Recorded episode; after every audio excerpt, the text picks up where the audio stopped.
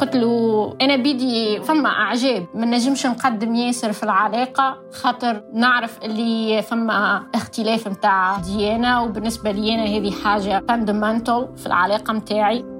قصة حب كبير جمعت عزيزه التونسية وكيفن الأمريكي لكن اختلاف الديانة كان أول عقبة بينهما. أما إيمان فكانت ترفض الارتباط بمشرقي يقيد حريتها ويتحكم في مصير حياتها. صراحة أنا مفضلش أرتبط بحد من بلادنا العربية لأن أنا ما بحبش التحكمات وفرض الرأي أو حد يقول لي ما ينفعش أكمل دراستي. ظاهرة الزواج المختلط بين الأديان والأعراق وتحديات عرب أمريكا بين الماضي والحاضر في رحلة الزواج وإيجاد شريك الحياة. قصص ونماذج حية. أنقلها لكم أنا مروى وشير في هذه الحلقة من بودكاست فصول. معا نروي فصول الحكاية.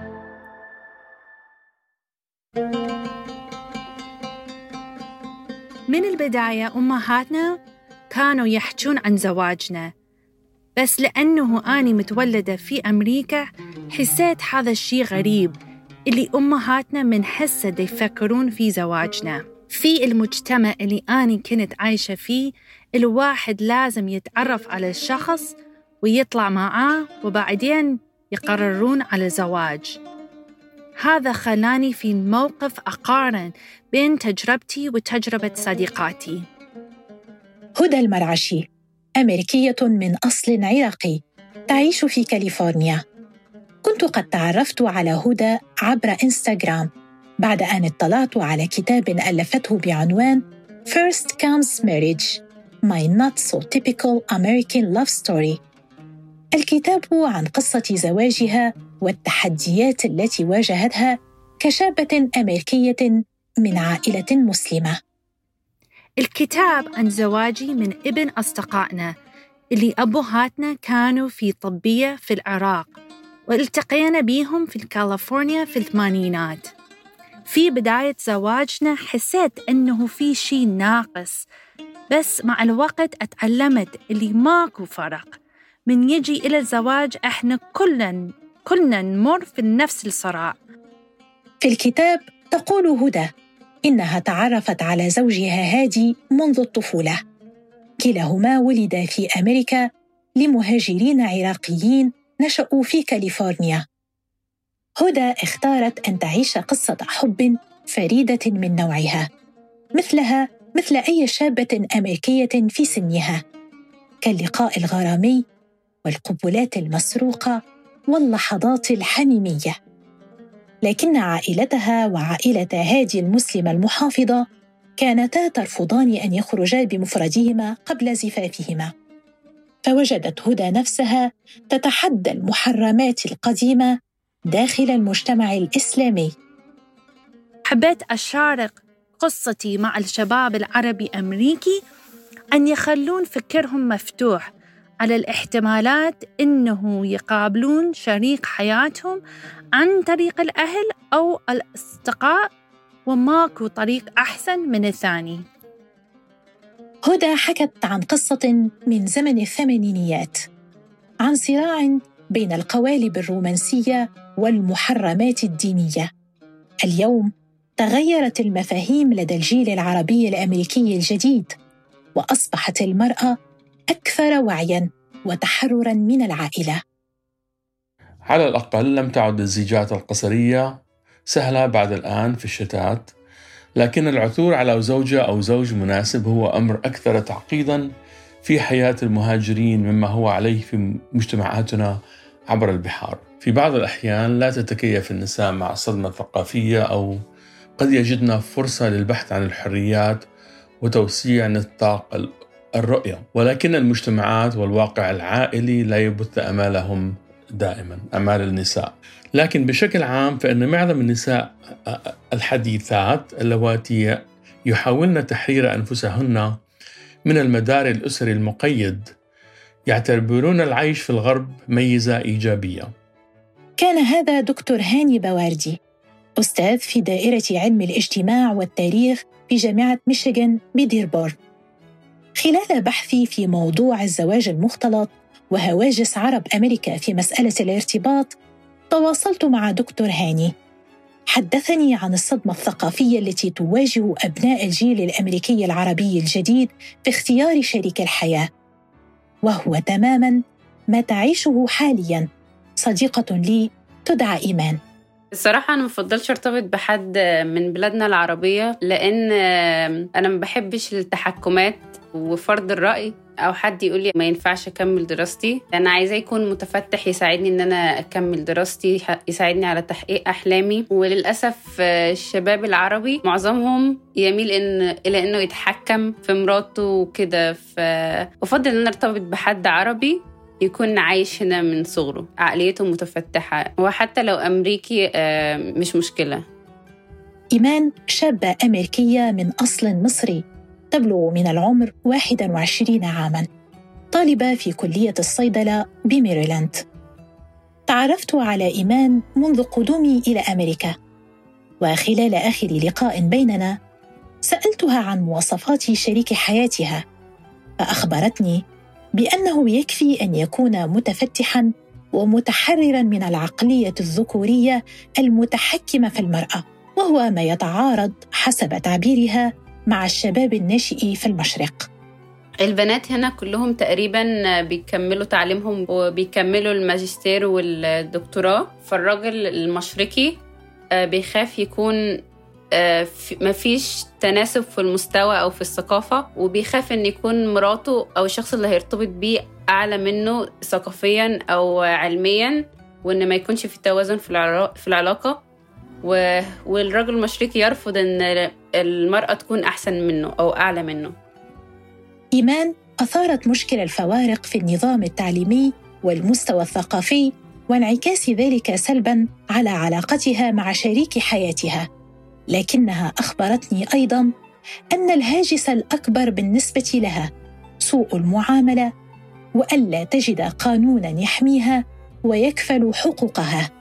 أنا بسمع إن في آه، عنف الزوجي وإن الرجالة بتضرب مراتاتهم وللأسف مرات كتير القانون ما بي ما بيجيبش حقوق النساء دي. هنا الراجل العربي بيخاف شوية من المرأة بالذات آه، لأن القانون هنا بيحميهم فوق وفوق الجميع. في بعض الحالات لا تقي القوانين والمعايير في الوطن احتياجات المرأة. هذا يعتمد على على أي جزء من الوطن العربي نتكلم عنه. يمكن أن يكون هذا النظام الأبوي أو باترياركي محبطا للغاية. في الغرب بشكل عام يحمل قانون المرأة في حالات الطلاق أو في حالات الإساءة الزوجية. بشكل عام تتمتع المرأة بحماية القانون في المهجر إذا احتاجت إليها وإذا تمكنت من إخراج نفسها من المدارات العائلية والمواقف المضطربة. ومع ذلك تواجه العائلات ككل العديد من التناقضات بين الحياة في الوطن والحياة في الشتات. إذا كان كلا طرفي الزواج يتشاركان في التعليم والسمات الثقافية فلديهما كل فرصة لبناء علاقة مستقرة. النتيجة إذن هي حقيبة مختلطة من الحريات والفرص المضافة وروابط أسرية أضعف. على الرغم من استمرار انعدام المساواة للمرأة في أوطاننا لا ينبغي التقليل من أهمية تماسكنا العائلي في فيما يتعلق بحل النزاعات والحفاظ على الضرر الأسري. كل هذا يتوقف على مستوى السلطة التي تتمتع بها آه، المرأة أو الأم في المنزل وقدرة الأب على قبول اختيارات ابنته. إذا تفعيل دور المرأة وسط عائلتها من أجل إنجاح العلاقات الأسرية عدد كبير من الفتيات العربيات اللائي اخترن الهجرة لإكمال الدراسة أو للعمل في بلدان الغرب. أدركن الخلل في تقسيم الأدوار بين الرجل والمرأة. من بينهن عزيزة بن مصباح شابة تونسية حاصلة على الدكتوراه في الاتصالات بفرنسا وهي أيضا جارتي في ميريلاند. تربيت في عائلة محافظة يعني حاجات تربينا بيهم على أساس هيك الموجود وإنه مثلا المرأة هي اللي تقوم بالدار وهي اللي تعمل كل شيء وإنه الزوج باش يكون مهمته كان خارجية. وبعد بالقراية وبخروجي لبرا وليت نحس اللي من غير السوي ومن غير المعقول إنه المرأة تكون تخدم وفي نفس الوقت ليه هي بالدار.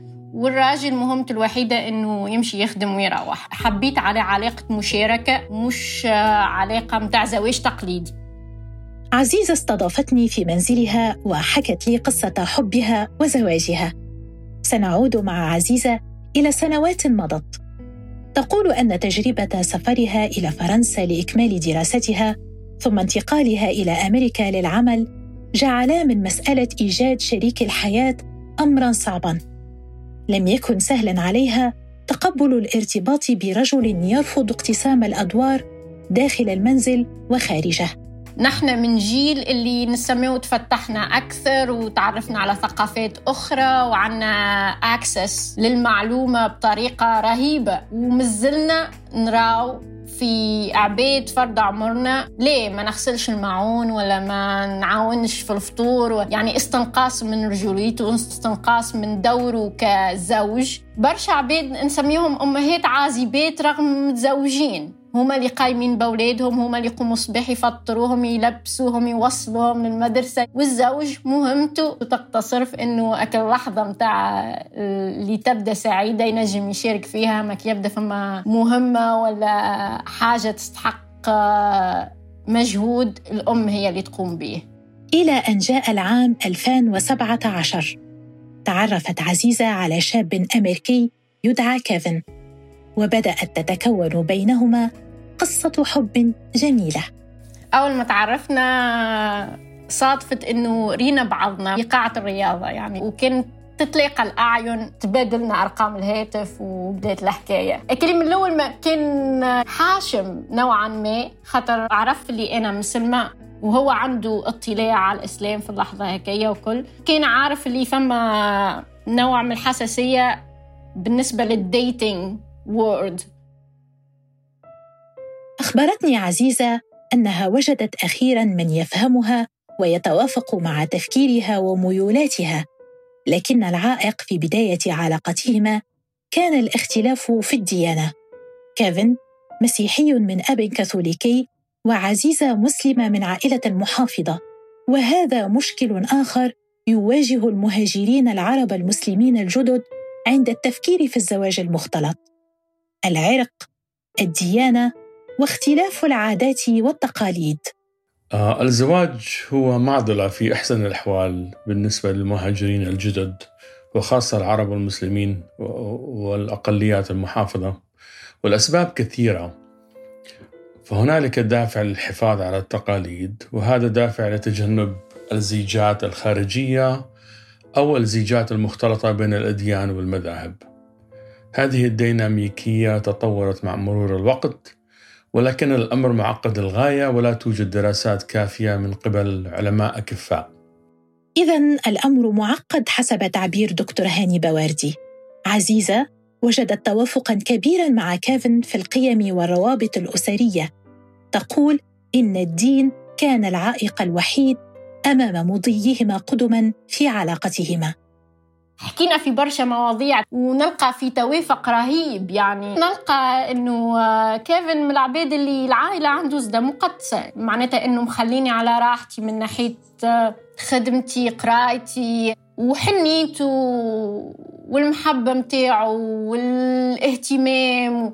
قال لي راهو أنا معجب بيك راهو آه، ونوايا صافية. قلت له أنا بيدي وقتها فما أعجاب يعني ما نجمش ننكره ما نجمش نقدم ياسر في العلاقة خاطر نعرف اللي فما اختلاف نتاع ديانه وبالنسبة لي أنا هذه حاجة fondamentale نتذكر قال لي نفهمك وعندك الحق ونأكد لك اللي أنا عندي فكرة كبيرة على الإسلام. في يوم ما كنت نفكر في إني نسلم أما ما حبيتش ناخذ خطوة خاطر ما حبيتش نكون وحدي. عام يمر منذ أن تعرفت عزيزة على كيفن. نحن الآن في عام 2018 كيفن يفاجئ عزيزة ويعلن اعتناق دين الإسلام. قرار أسعد عزيزة لكن قوبل بالصد من الأب. والد كيفن كان رافضا تغيير ابنه دينه والارتباط بفتاة قد تبعده عن عائلته وبلده. أمه وأخته من البداية كانوا موافقين. المشكلة كانت مع الأب أبوه متدين. كاثوليك. هو عمره ما بين لي أي نوع من الغضب تجاهي ولا الكره أما في نفس الوقت شد ولده وقال له راهو مانيش موافق على العلاقة هذيا وخلط قال له كيفاش؟ معناتها إنك تخمم أصلا انه تبدل دينك. كانت أشهر صعيبة برشا. كانت اشهرا صعبة لكن حل الفرج على عزيزة وكيفن توطدت العلاقة بين والد كيفن وعزيزة وأيقن الأب أن ابنه لم يتغير بعد الإسلام. خطوة شجعت عزيزة على أن تتخذ هي الأخرى قرار مصارحة عائلتها بعلاقتها مع كيفن. كانت مترددة بعض الشيء. من ردة فعلهم إذا علموا أن من اختارته ابنتهم أجنبي أسمر البشره ولم يلد مسلما. كان فما نوع من التخوف. ونتذكر في قرارة نفسي نقول إنهم ما همش باش يوافقوا. يعني أنا نحضر في روحي نفسانيا للرفض. آه نتذكر حكيت مع أمي أولا. فما تمهميه فما تردد. ونتذكر آه، من الأول بديت بإنه آه، أمريكي. بديت بالصدمة بالصدمة. باش نشوف نجس النبض. يعني كان باش تقول لي ليه ما أجنبي؟ يعني ما عادش نستحق حتى نمشي لل details نتاع الحكاية. قالت لي آه وسكتت. وبعد بديت بشوية نحكي لها قلت لها راهو ماهوش مولود مسلم. قالت لي أها. بعد شوية قلت لها آه آه راو أسمر البشره قالت لي هو ما اختارش لكيفاش يتولد لوين يتولد. ونتذكر الراحة اللي حسيتها في اللحظة هكية. كبيرة ياسر. وبعد أخذ ورد وبعد أن تعرفت عائلة عزيزة على كيفن عبر محادثات على سكايب. تمت الموافقة على زواجهما.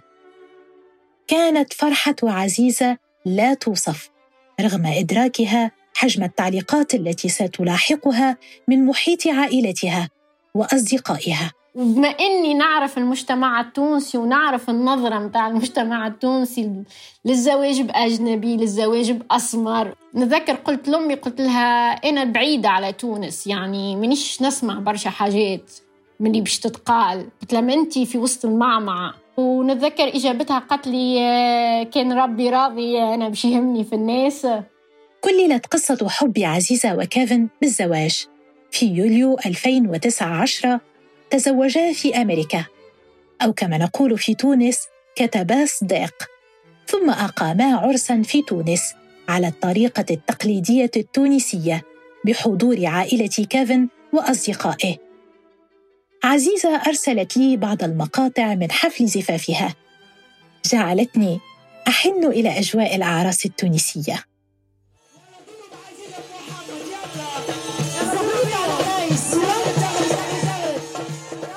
واليوم مضى على زواج عزيزة وكيفن ثلاث سنوات ورزقا بطفلة جميلة تبلغ من العمر الآن سنة.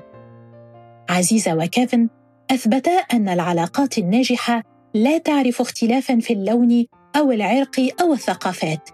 يكفي أن يتوافق الطرفان في القيم وطريقة التفكير والتعامل. مدام القيم متاعكم تشترك ما فماش حاجة أخرى تنجم تكون عائق. مادام فما قابلية إنه تتفاهموا وإنه تحاولوا تفهموا بعضكم. أما بخلاف هذا لونه من أصله منين جاي بو, بو ولا مش شنو عامله هيك الكل حاجات ثانوية جدا. في أمريكا اليوم يتزايد عدد الأشخاص الذين يتزوجون من دين أو مجموعة عرقية إثنية مختلفة. وفقا لمنتدى بيو للدين والحياة العامة فإن أكثر من ثلث الأمريكيين متزوجون من شخص من دين مختلف. ويظل العرب في هذه البلاد يعيشون بين ثقافتين يحتفلون بتقاليد الآباء ويفتحون قلوبهم للسعادة والحب في بلادهم الجديدة. هذه أجمل التحيات تصلكم مني أنا مروى وشير مع نروي فصول الحكاية. بودكاست فصول مع نروي فصول الحكاية. استمعوا لبودكاست فصول على تطبيقات البودكاست أبل وجوجل وسبوتيفاي وساوند كلاود وعلى الحرة دوت كوم وآثير راديو سوا.